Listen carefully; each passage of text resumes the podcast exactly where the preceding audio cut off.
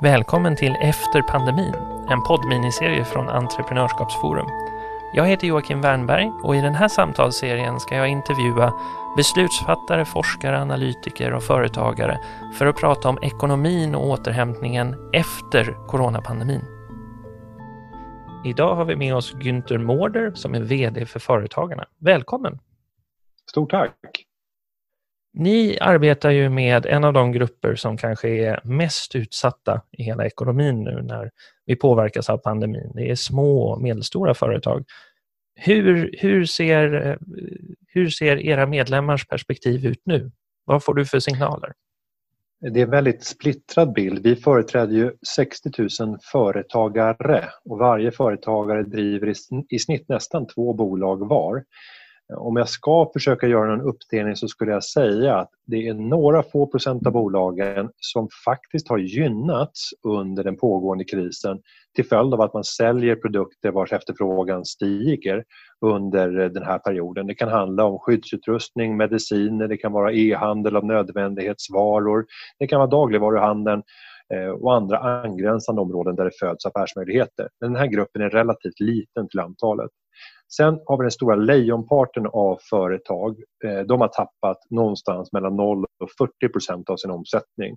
Det är det absolut vanligaste och här har vi den stora bulken av, av svenskt företagande. Sen har vi nästa grupp som har tappat mellan 40 och 70 av eh, sin affär. Och det är företag som jobbar med ganska korta kontraktslängder och där man snabbt kan eh, få se sina kunder försvinna från en dag till en annan och där man inte säljer nödvändighetsprodukter eller tjänster. Och sen har vi den värst drabbade gruppen som har tappat mer än 70% av omsättningen. Den är också relativt liten till antalet men eh, det är de företagen vars verksamhet närmast har förbjudits under den här krisen. Man skulle kunna likna förbuden om att träffas fler än 50 människor i en grupp som ett näringsförbud för de som med nödvändighet måste vara mer än 50 stycken. Det är svårt att vara konsertarrangör eller konferensarrangör av större konferenser eller andra saker eh, som kräver mänskliga möten i stort format. Att kunna hitta nya affärsmodeller. Eh, här har vi också resebranschen där UDs rekommendationer från att eh, avråda till resor till samtliga länder fram till 15 juni. Den har utlöst klausuler i deras avtal som gör att de tvingas återbetala alla hittills sålda resor. Så i den här gruppen så har vi de här företagen som vi har pratat mycket om i media under de senaste veckorna som helt har tappat hela sin omsättning och i värsta fall till och med fått uppleva en negativ omsättning. Man har alltså fått kreditera redan bekräftad försäljning under januari, februari och mars på grund av, av inställningar. Vi ska återkomma till skillnaden mellan de här grupperna, men vi kan ju eh, lägga in för läsarna att eh, företagarna genomför ju varje år eller presenterar varje år Småföretagarbarometern. Och I år har ni gjort lite annorlunda och presenterat en delrapport. Kan du berätta lite kort om det? Ja, Småföretagsbarometern har presenterats sedan inledningen av 80-talet vilket gör det till Sveriges eh, längsta konjunkturbarometer för företagande. Och, vi startade årets undersökning då vi brukar ha 4 000 eh, respondenter genom att börja ringa i början av mars. Och eh, sen fortsätter det här under en månads tid och vi har aldrig varit med om så stora skillnader i utfallet när man tittar på respondenterna i den tidiga eh, delen av datainsamlingen till den sena delen. För någonting hände ju där kring den 11-12 mars när de nya eh, rekommendationerna och också instruktionerna trädde i kraft. Eh, då förändrades plötsligt över en vecka, eller till och med för vissa företag över en natt, hela förutsättningen att bedriva sitt företagande. Så vi har aldrig sett så stor skillnad i datainsamlingsmaterialet, vilket gör det rätt spännande. För Det gör att vi kan titta på svaren från innan regleringarna från politiskt håll och konstatera att eh, Eh, hur samhället såg ut och hur ekonomin såg ut innan pandemin bröt ut. Och sen kan vi se direkt i inledningen av pandemin vad hände med företagens framtidsutsikter. Och vi mäter ju det här på flera olika sätt. Vi tittar bland annat på framåtblickande. Tänker du anställa medarbetare under det kommande året? Vi ställer också frågan kopplat till om man tror att man kommer omsätta mer eller mindre under kommande året. Och vi ställer också frågan kopplat till investeringar, kommer att göra större investeringar under det kommande året. Så att det här är en spännande undersökning och vi ville få ut resultatet snabbare i år till följd av att det är en sån extrem marknad. Eh, så därför så valde vi att släppa en delrapport nu i, till och med i april och sen släpper vi slutrapporten i början av juni. Men det kommer bli väldigt märkliga resultat och vi ser hur alla indikatorer störtdyker i linje med andra undersökningar som uppvisar likartade mönster. Och Det här kommer ju vara någonting vi kan jobba med under lång tid efter pandemin också. För här sitter ni ju egentligen på ett material som kan beskriva marknadens respons på politiken och pandemin. Men om vi tittar på de här olika grupperna du beskriver, eh, de olika typerna av företag och hur de drabbas på olika sätt, eller påverkas på olika sätt kanske vi ska säga, för det var ju en liten andel som också hittar möjligheter eller kan bidra till ekonomin på viktiga sätt i den här eh, krisen. Hur kommer det se ut efter pandemin? När vi ska öppna upp ekonomin igen och återgå till det normala. Man pekar ofta på att Sverige har inte stängt ner ekonomin helt. Men kan vi bara trycka på play och fortsätta? Hur ser förutsättningarna för de här företagen ut då? Om vi hade tryckt på play och startat upp samhället några få veckor in i krisen, det vill säga någon gång i mitten på april, ja, då hade vi nog i hög utsträckning kunnat återvända till ett samhälle som i hög utsträckning liknade det vi hade i början av mars.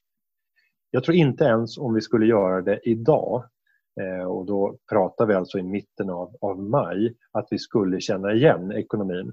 Det har redan skett skador som har gjort att fler företag än normalt har eh, tvingats till konkurs. Eh, vi har också sett hur arbetslösheten redan har kommit att stiga rejält.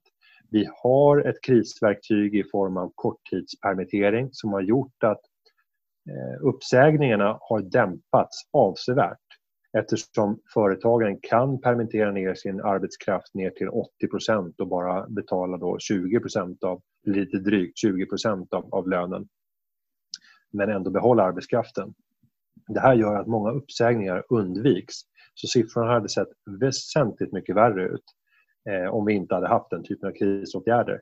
Ändå så ser vi nu det snabbaste, eh, den snabbaste ökningen av arbetslöshet som jag tror att vi har sett i modern historia.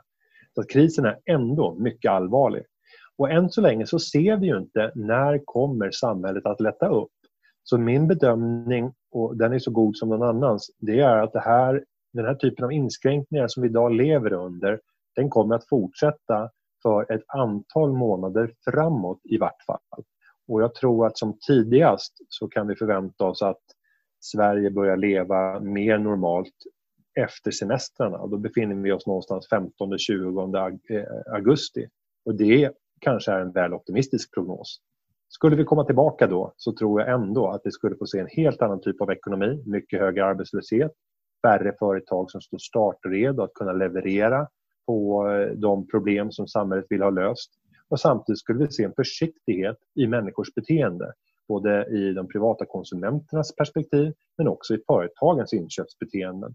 Så att vi kommer ha en försiktighet som kommer att drabba återhämtningen när man är rädd för om man kanske går för snabbt ut det är få företag som spenderar sig ur en kris eller direkt när man kommer ur en kris gör alla de inköp och investeringar som man hade tänkt göra före krisen. Utan det brukar bli en förskjutningseffekt där man har en viss försiktighet. Och det gör att den ekonomiska återhämtningen blir mycket, mycket långsammare än det fallet som man råkade ut för. Framförallt, du beskriver ju en, en viktig poäng här och det är ju att de här företagen arbetar under en extrem osäkerhet eftersom man har en typ av force majeure som har stängt ner ekonomin. Och samtidigt vet vi inte när den öppnar upp igen. Och det gör ju att i den mån man hade en buffert att jobba med så vet man inte hur man ska ja, distribuera den över tid. Det tänker jag ytterligare fördröjer den här effekten efter krisen när man kan börja spendera och göra investeringar igen. Ja, jag märker i debatten att många som inte förstår sig på företagande har svårt att förstå våra önskemål som ibland framstår som närmast kravliknande om att få ett datum att förhålla sig till när samhället successivt kommer öppna upp. Eh, många av de som inte är inblandade i företagande visar en ganska låg förståelse för behovet av det här. Men det det handlar om är att en företagare måste veta när det vänder för att man ska utifrån sin egen planerings, eh, planeringshorisont kunna börja tänka när ska jag vara up-running? När ska jag ha personell resurs till mitt förfogande? När ska jag göra investeringar eller uppbokningar av nödvändiga resurser för att kunna vara startklar? När man inte har det datumet då måste man utgå ifrån ett mer negativt scenario än vad som i själva verket kanske kommer att gälla. För man måste ta höjd för att det kan bli värre. Och en företagare har att hantera osäkerhet hela tiden. Om man då ska leva under en politisk osäkerhet, och man väntar på politiska beslut om återöppning av den fria marknaden, ja då kommer det naturligtvis att drabba investeringar, det kommer drabba nyanställningar, olika typer av satsningar som är helt nödvändiga för att driva ekonomisk tillväxt och i förlängningen också skapa skatteunderlag för vår gemensamma välfärd. Så för företagare så är det viktigare än för någon annan skulle jag säga att få det här datumet att förhålla sig till. Och jag har stor respekt för svårigheten att utifrån ett smittspridningsperspektiv kunna ge det datumet. Men man måste förstå kostnaderna för samhället när vi inte har det till hands. Här måste man ju också skilja på smittspridningsproblemet där det förstås är svårt att sätta ett datum och det ekonomiska problemet. Du eh, säger i princip, ja, du faller ju i samma linje som Kerstin Hessius eh, som säger att vi måste ha datum för när krisen är slut. Och där tror jag att många misstolkade Hessius och tänkte mm. att hon, eh, hon ville trycka på stopp för smittspridning och det blev ju nästan lite ironiskt när då eh, läkare och epidemiologer skulle förklara för Hessius att så kan man inte resonera om en pandemi. Nej, det är klart man inte kan, men man måste ju resonera så om en ekonomi. Nej, och jag såg någon undersökning som släpptes här eh, tidigare i veckan och där man sammanfattade det med rubriken För moderata väljare är ekonomin viktigare än liv. Och rubriken var satt utifrån att undersökningen eh, visade att Moderaterna tyckte att de ekonomiska perspektiven skulle väga tyngre eh, än för övriga partier, eller sympatisörer för andra partier när det kom till hur man skulle fatta beslut om hur länge samhället skulle vara nedstängt. Men inte tyngre än smittspridningsproblemet utan bara tyngre? Nej, utan relativt, utan relativt de övriga. Eh, och då fick man till den rubriken. Och I själva verket så handlar ju nedstängningen av samhället också om liv. Det ja. handlar om våra långsiktiga liv. Nedstängningen det handlar om våra kortsiktiga liv. Så att, att, inte fundera utifrån livsaspekten när vi tänker på nedstängningen och det kommer till en hel framtida generations möjligheter att kunna leva ett eh, liv som vi vill kunna ge den generationen. Det är också förenat med stora kostnader. Vi vet också vad ekonomisk tillväxt har för inverkan på mänskligt liv. Den, den genomsnittliga levnadslängden i världen har ökat dramatiskt de senaste decennierna. Och det har skett när man successivt har utrotat den värsta fattigdomen. Så den ekonomiska tillväxten har varit helt avgörande för att förlänga människors liv. Och då vet vi ju såklart att sämre ekonomi och en fallande ekonomi kommer att leda till folkhälsoproblem och förkorta den genomsnittliga levnadslängden. Och då är frågan, vad är viktigast? Är det långsiktiga liv på lång sikt? Eller är det kortsiktiga liv här och nu?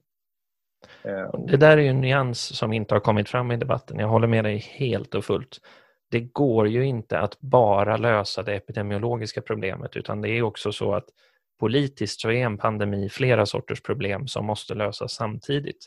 Och det ser vi inte riktigt utan mycket av ekonomin är ju en typ av reaktiva åtgärder eh, som följer av att vi har gjort någonting för att lösa smittspridningsproblemet och sen så långt i efterhand kommer vi på att just det, vi måste göra någonting för ekonomin också.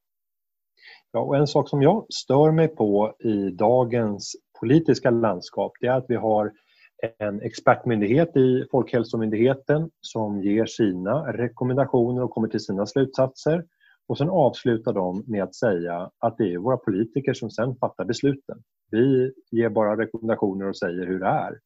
Sen kommer politiken med vår statsminister i fronten och säger att Sverige har en tradition där vi lyssnar på våra expertmyndigheter. Och så fattar man beslut helt i linje med vad expertmyndigheten säger. Och då föds ju frågan, var fattas egentligen besluten? Och när man också hör Folkhälsomyndigheten uttalat sig om att vi tar ju inte hänsyn till några ekonomiska dimensioner eller långsiktiga hälsoeffekter. Det är inte vårt uppdrag. Utan nu är det att titta på smittspridning, vi ska titta på sjukvårdens kapacitet och det är med, med utgångspunkt från de parametrarna som vi uttalar oss. Men då borde man från regeringens sida se till att ha andra experter som också blir offentliga som för samtalet om de långsiktiga kostnaderna för samhället och också kunna väga in de hälsoekonomiska aspekterna på ett annat sätt än vad Folkhälsomyndigheten har i uppdrag att göra just här och nu under pågående kris för att få ett mer balanserat beslutsunderlag. Jag tycker att jag saknar det långsiktiga eh, folkhälso och ekonomiska perspektivet i de besluten som finns. Sen ska jag ge beröm till dagens regering för att man har vågat välja en annan linje än vad många andra länder i övriga Europa har gjort. Jag kan inte säga om det är rätt eller fel i dagsläget. Men det tyder på ett stort mod att man vågar välja en annan linje och inte faller till föga i den tävlan som var under mars månad och inledningen av april. Där många politiska eh, eller många stater tävlade om vilka som kunde göra de hårdaste restriktionerna, de hårdaste inskränkningarna och, och djupaste karantänreglerna. Jag tror inte man funderade från politiskt håll där vad det skulle få för konsekvenser för det ekonomiska samhället. Där tror jag Sverige kommer vara bättre rustade än många andra länder i Europa om du skulle jämföra med länder som Frankrike och, och Italien som två närliggande exempel men, men även Danmark och, och, och andra nordiska grannländer. Och det här är också något som har kommit upp i tidigare samtal i den här poddserien, just att det går faktiskt inte bara att trycka på play utan att öppna upp är en egen typ av problem i ekonomin. Men om vi då föregår den, den lite reaktiva tonen i politiken just nu vad gäller ekonomin och så försöker vi diskutera och lyfta blicken mot vad händer efter pandemin. Då eh, funderar jag på, jag har sett att företagarna på olika sätt lyfter nu frågan om digitalisering. Hur ser du på, och det är inte bara ni, det är många andra också som pekar på hur snabbt vi digitaliserat oss och det tror jag man kommer kunna diskutera i efterhand, hur snabbt vi digitaliserat oss under pandemin. Eh, men också att digitaliseringen skulle vara ett svar på hur företag enklare kan hitta eh, vägar fram under den ekonomiska återhämtningen. Vad har du för tankar kring det? Ja, men det har blivit helt uppenbart under den här krisen att de företagen som har gjort stora satsningar på att skapa digitala relationer med alla som behövs för att bedriva sitt företag. I grund och botten så är det, börjar det med kundrelationen. Men sen handlar det också om alla intressenter som finns kring bolaget. Klarar man av att managera de relationerna och gör det framgångsrikt både i en analog miljö, om vi ska kalla det det, och i en digital miljö, då har man varit mycket bättre rustade för den här krisen. Det finns till exempel företag inom utsatta branscher som faktiskt har fått se kraftiga omsättningsökningar till följd av att man har varit skicklig på det digitala. Ett bra exempel är att ta Sveriges största bolag inom, inom klädbranschen, ta Hennes Mauritz. Deras försäljning mitt under krisen ökade med 30% i digitala kanaler medan man tappade hälften av omsättningen i butiksrörelsen. Och det visar så tydligt, hade H&M i det här läget delat upp sitt bolag i två delar, det är många problem förenat med det, men lek med tanken att vi hade haft ett, ett, ett gammalt H&M och sen hade vi ett H&M online så skulle nu H&M online som bara innehöll den digitala försäljningsdelen rusat på börsen och nått nya rekordnivåer och slagit alla tidigare rekord. Medan den gamla butiksrörelsen skulle nå nya bottennoteringar och vara sedd som en egentligen döende obligation. Där det visst kan finnas lite kassaflöden att hämta i form av utdelningar men där man jobbar med ett slutscenario där bolaget kommer vara värt noll eh, för man kommer successivt behöva avveckla det.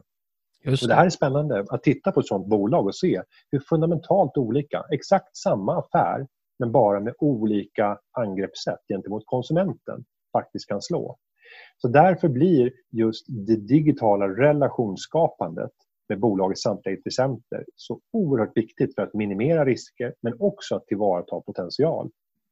För det kan vara skillnaden mellan en, en, ett katastrofscenario där man tvingas in i konkurs eller i andra änden att man faktiskt skördar framgångar under en sån här period när andra som inte har gjort sin, sin digitala hemläxa tvingas till, eh, massiva åtgärder för att bara balansera de förluster som kommer ur den snabbt krympande försäljningen. Och om man eh, zoomar ut lite då, nu tar du H&M som ett exempel och det är ju ett stort företag. Om vi kommer tillbaka till de mindre företagen och om vi tittar på inte det enskilda företaget utan marknaden av företag eller hela ekonomin av de mindre företagen så är det ju som du beskrev i början av vårt samtal så är det en väldig skillnad mellan de olika grupperna och vilken situation de kommer befinna sig i när vi öppnar upp ekonomin igen. Hur kan de på olika sätt dra nytta av digitaliseringen och tekniken? Det är ett steg nu under krisen då att i den mån man redan har digitala relationer till, till sina kunder eller andra parter man är beroende av. Vad är steget efter det? Ja, de värst drabbade, om vi tar de som har tappat mer än 70 av sin omsättning men där verksamheten förhoppningsvis inte är förbjuden. Eh, då måste man titta på hur kan jag skapa den relation som jag normalt sett upprätt, upprätthåller på olika typer av analoga sätt i en mer digital kontext. Hur kan jag få en dialog med de här kunderna, hitta nya typer av produkter eller tjänster för att ställa om? Eh, jag har ju själv ett bolag som jag grundat inom, inom utbildningssektorn där vi ägnar oss åt personalutbildning, eh, inte minst mot offentlig sektor, mot mellanchefer. För oss så var det bara fysiska utbildningar som gällde. Men nu gäller det för oss att omedelbart hitta möjligheter att kunna leverera samma utbildning men med hjälp av digitala verktyg. Om jag skulle säga i inledningen av krisen så var mogenheten för att stå beredd att tacka ja till att få utbildningen, som oftast är heldagskurser bara, eh, då var den mogenheten väldigt låg för att få den, få den digitalt levererad. Men jag märker en helt annan skillnad idag när vi bara ser att det har gått ungefär 8-9 veckor in i krisen. För att vi har fått en digital mognad hos grupper som annars inte har jobbat med speciellt mycket digitala produkter. Man har inte haft videomöten. Nu ser man att det fungerar. Det har brister, absolut. Vi hade såklart velat spela in den här podden öga mot öga, men vi klarar av att göra det. Det blir inte 100% lika bra, men vi kanske når upp till 85% och det kanske är bättre än ingenting. Och på motsvarande sätt så gäller det för ett utbildningsföretag att kunna leverera 85% av det du hade kunnat få i det fysiska sammanhanget eller mötet. Det är bättre än att få 0% Det är skillnad mellan att flyta och sjunka. Ja, ja att, att, få möjligheter att kunna i vart fall behålla en viss del av sin affär. Och då kanske man som företagare måste justera prisbilden för att möta den försämrade produkt som man levererar när man inte kan få helhetsupplevelsen. Tar vi just utbildning så handlar det väldigt mycket om mötena mellan kursdeltagarna också. Erfarenhetsutbytet som sker och kontakterna som knyts som kanske kan vara för många år framåt om man hittar bra personer att fortsätta hålla kontakten med. Men då får man justera prissättningen för att vara avvägd mot det och titta på hur kan jag med nya modeller nu faktiskt sänka mina kostnader. Det behövs plötsligt ingen kurslokal. Man kan spela in det här från sitt eget kontor. Det behövs ingen lunchservering i anslutning till det här utan alla kommer att sitta i hemmiljö. Så plötsligt så ser man att det finns ganska många komponenter där vi kommer sänka kostnaderna. Föreläsaren som ska hålla den här kursen behöver inte resa in till den här platsen, kommer inte behöva en hotellövernattning. Att på många sätt så kommer vi sänka kostnaderna och att då justera priset för att hitta en ny modell. Och det handlar om att ställa om sin verksamhet. Och gör man det här skickligt, då tror jag att många företag kan komma ut ur den här krisen och vara bättre skickade för att kunna hämta hem fler affärer än man tidigare kunde. Genom att både kunna gå tillbaka till sitt gamla analoga erbjudande men vid sidan av det även ha en mer digitalt erbjudande som också kommer kunna ha sin marknad. Så som en silverkant på det mörka molnet vi befinner oss under så kan vi konstatera att vi har tvingats in eh, i någon typ av digitaliseringsexperiment. Men du nämnde tidigare att Eh, Eh, företagen kommer sannolikt när man då trycker på play eller öppnar upp igen att vara lite mindre benägna att investera även de investeringar de hade tänkt göra innan pandemin kom. Hur kommer det gå ihop med de här insikterna man i bästa fall då tar med sig ut ur krisen? Hur kommer arbetsmarknad och ekonomi som helhet att förändras? Ja, men om vi börjar med företagarens eget perspektiv och säger vad händer i samband med en kris? Ja, men det första man gör är att försöka påverka det påverkningsbara. Och det påverkningsbara det är vilka kostnader man tar i sin verksamhet. Det är absolut lättast. Det är lättare att påverka kostnader än att påverka intäkter. Så därför kommer man enklast att dra ner på kostnaderna kraftigt och när det väl vänder och vi kommer ut på andra sidan så kommer man med väldigt stor försiktighet att börja återgå och ta de kostnader som är nödvändiga sen för att faktiskt generera intäkterna. Eh, och det har med traditionell försiktighet att göra. Vi tror med, mer på det vi kan se än, än på det vi måste chansa oss till att vi kommer att få. Sen när det gäller arbetsmarknaden så har det varit uppenbart för många arbetsgivare att det är förenat med stor risk att ha egen anställd personal. Om vi tar ett företag som arbetar med kontrakterad personal, antingen via bemanningsföretag eller att man har visstidsanställningar eller kanske jobbar med kontraktslösningar mot egenanställda eller egna företagare. De företagen har ju haft en mycket större flexibilitet. Om jag återgår till den utbildningsverksamhet som jag själv är grundare av. Där jobbar vi med 170 stycken olika föreläsare. Alla de är egenföretagare.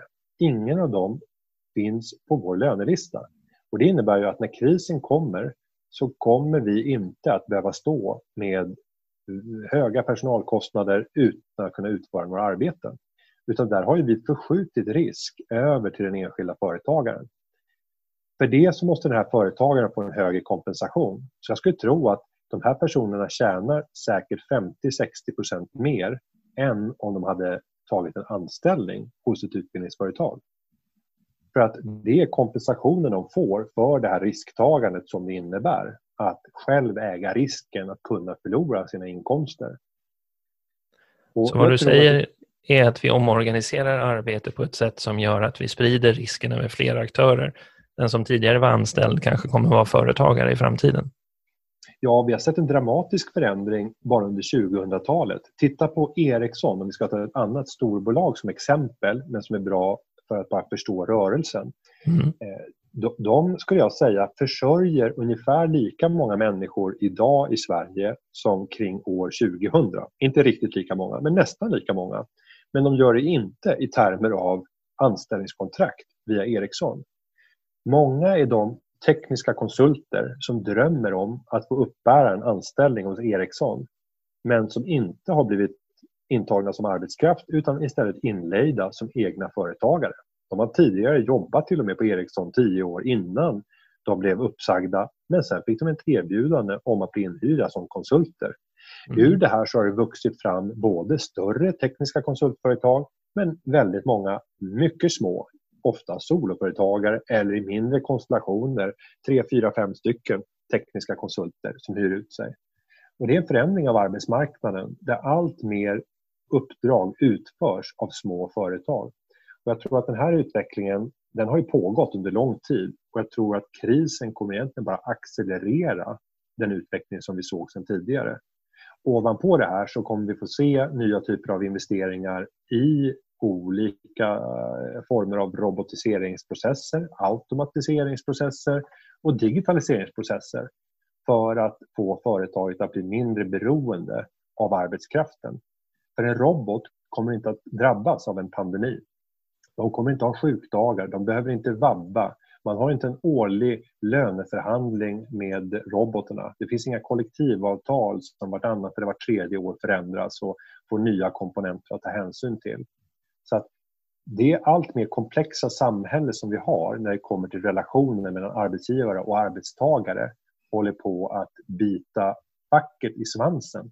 Där företagare i, för varje landvinning som facken tycker att de gör egentligen bara skapar en situation där företaget antingen kommer att investera i teknik som innebär att man slipper arbetskraft eller att börja kontraktera arbetskraft på ett annat sätt där man inte äger anställningen i sitt företag.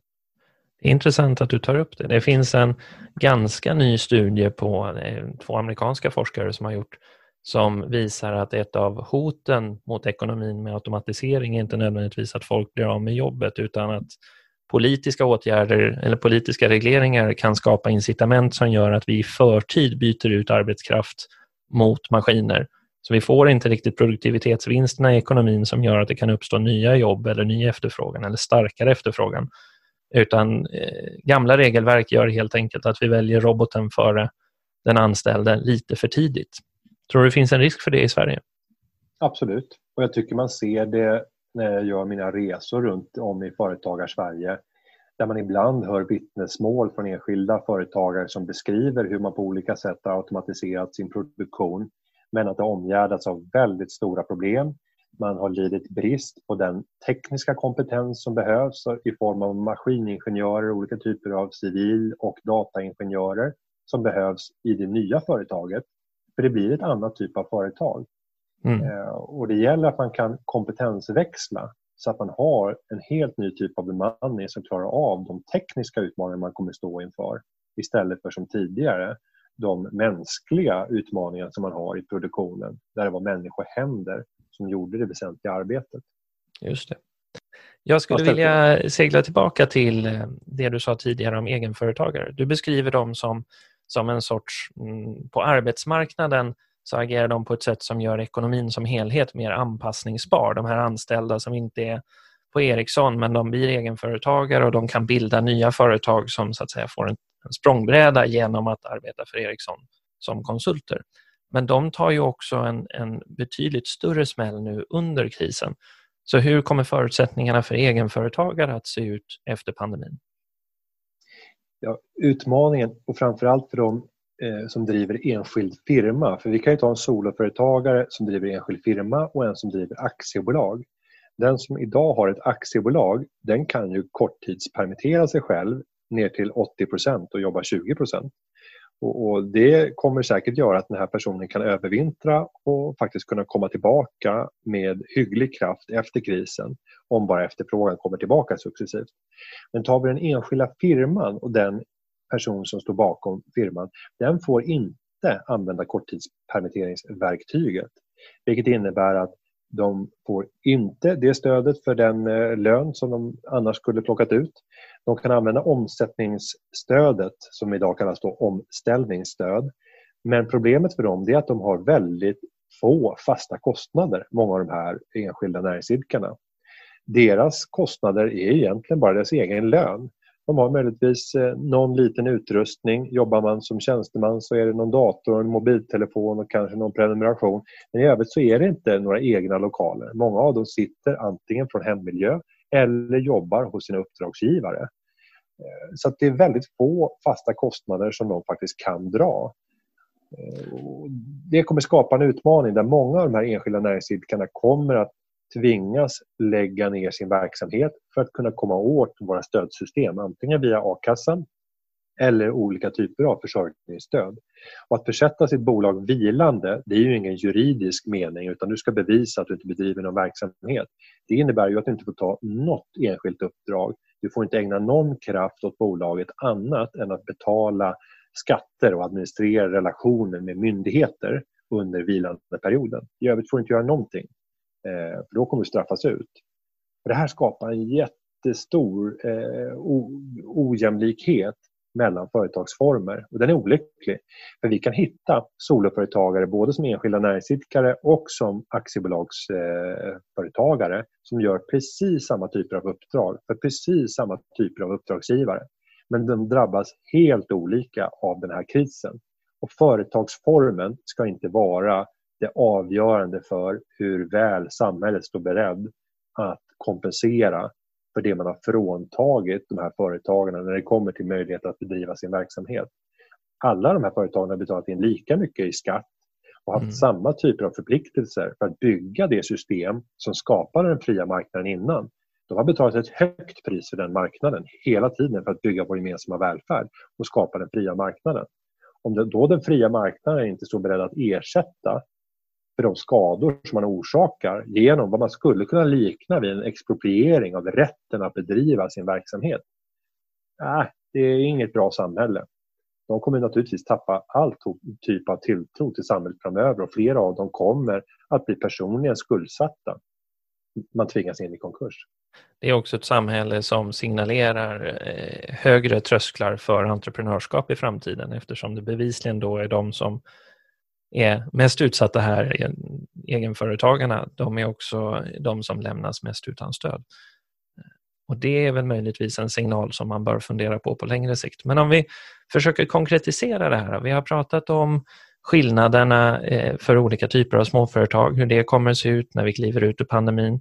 Vi har pratat om omställningar med digitalisering, både av relationer, kundrelationer, affärsmodeller, investeringar i robotik eller automatisering och nu har vi pratat om förhållandet då mellan olika typer av företagare, de enskilda eh, bolagen och de som har aktiebolag, där distinktionen i princip blir en pappersprodukt. Men om vi, om vi ska försöka identifiera den, den första flaskhalsen eller den största flaskhalsen efter pandemin, vad är det konkret på policynivå vi behöver göra för att ta tillvara på så mycket som möjligt av den potential du har beskrivit utan att fastna i de fällor som du också har beskrivit? Det första och mest påtagliga efter krisen som vi har att hantera det kommer vara en mycket hög arbetslöshet. Den här arbetslösheten kommer vara annorlunda än tidigare. Eh, för i den här gruppen så kommer det finnas personer som har en väldigt djup förankring på arbetsmarknaden men som till följd av de här plötsliga förändringarna i marknadsförutsättningar eh, som har varit helt unika i sitt slag har tvingats bort från sina anställningar. De kommer nog ha en relativt god förmåga att snabbt etablera sig igen när ekonomin väl vänder. Men sen kommer det finnas en grupp av arbetslösa som kanske inte har de kunskaper som kommer vara starkt efterfrågade. Och det är ingen svår sak att gissa att kunskaper om hur man kan bygga de här digitala relationerna till sina omgivande intressenter från bolagets sida. Den typen av kunskaper kommer vara mycket högt efterfrågad. Mm. Och då måste det till olika typer av utbildningsinsatser för att kunna få den tillgängliga arbetskraft som idag då inte har ett jobb att snabbt kunna få kunskaper som gör att man kan ta sig in och göra deluppgifter och de viktiga delarna som kommer i de nya typer av digitala arbetssätt som många företag kommer att eftersträva. Och det här kommer ta tid och det kommer inte alltid vara speciellt träffsäkert för det är en ganska lång resa att göra. Och om man har en lång karriär bakom sig, säg 20-30 år på arbetsmarknaden utan att ha behövt arbeta med eh, olika typer av digitala verktyg och så plötsligt ska man skolas om.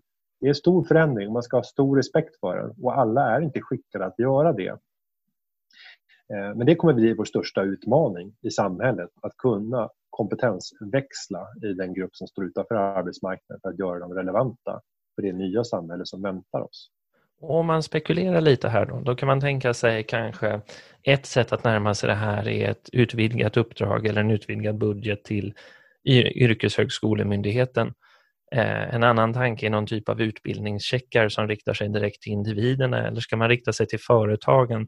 Var börjar man någonstans för att fånga både då utbudet av, av potentiell arbetskraft som kan omutbildas och efterfrågan för Det är viktigt också att man utbildar rätt då, som du säger, att det är det som företagen efterfrågar som vi snabbt ska hitta låga trösklar för att utbilda till.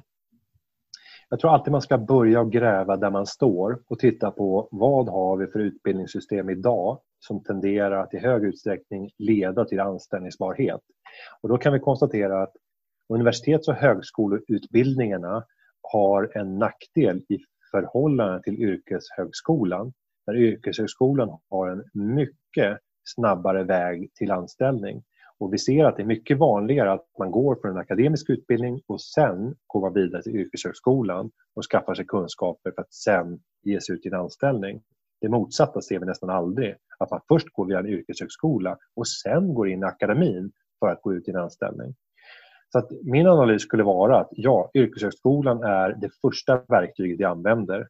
Eh, och där man får titta på hur ser det nya behovet av kunskaper ut på näringslivet och gärna göra utbildningar i tät relation med näringslivet där man försöker i högre utsträckning lägga in de praktiska moment som jag tror är yrkeshögskolans stora förtjänst.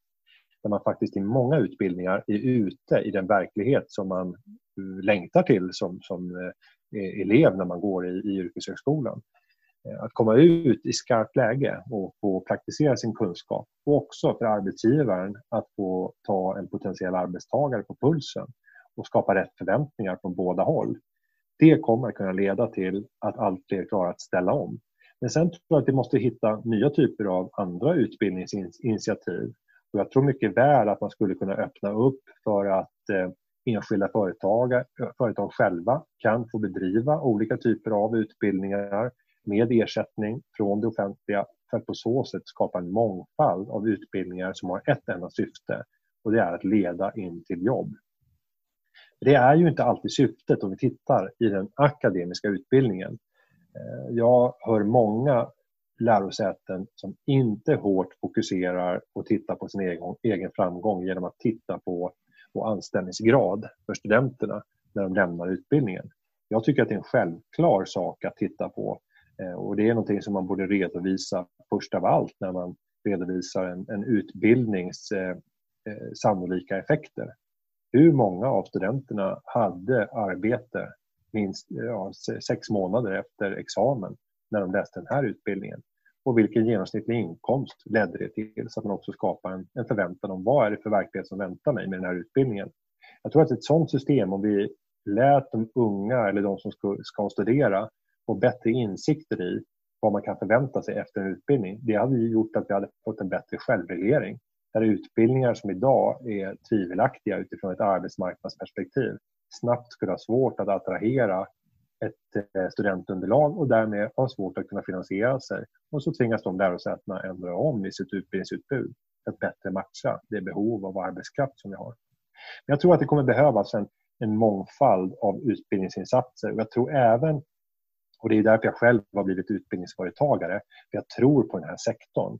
Eh, den delen som jag verkar i det är ju så korta uppdateringskurser mitt i karriären. Man åker iväg på en en till två dagars utbildning för att få kritiska kunskaper till exempel om arbetsrätt när man är ny som chef eller hur man leder ett personalsamtal och lönesamtal. Eh, eller gå vidare och prata om utmaningarna som kommer när man går från att vara kollegor till att man går upp och får en chefsroll. Hur ska man agera i de lägena? Den typen av utbildningar tror jag kommer bli mycket mer efterfrågat. För att vi förstår att det handlar inte om att gå och utbilda sig under ja, kan det handla, 15, ibland 17 år av, av sitt liv för att sen gå ut på en arbetsmarknad utan att fylla på med kunskaper annat än det vi förvärvar indirekt genom vårt praktiska yrkesutövande. Jag tror att det behövs successiv påfyllnad av kunskaper. Nyfikenhet tror jag kommer vara en av de viktigaste framgångsfaktorerna hos en arbetstagare eh, framöver. Den som är nyfiken och hela tiden är vetgirig och söker efter nya kunskaper kommer att vara bättre rustad för de förändringar som snabbt kommer att skölja över, över arbetsmarknaden. Det låter som mycket bra avslutningsord tycker jag. Stort tack för att du var med. Tack själv. Trevligt med mig. Tack för att du lyssnat på det här avsnittet av Efter pandemin som är en poddminiserie från Entreprenörskapsforum. Det här är en del av ett större projekt vi gör och på vår hemsida hittar du en särskild undersida som heter just Efter pandemin. Där finns det bland annat en utlysning för att samla in policyförslag från forskare men också från folk som kan det politiska hantverket eller företagare som ser hur politiken spelar ut i praktiken. Du hittar riktlinjerna för hur man skickar in ett policyförslag och du hittar också alla andra poddar i den här serien.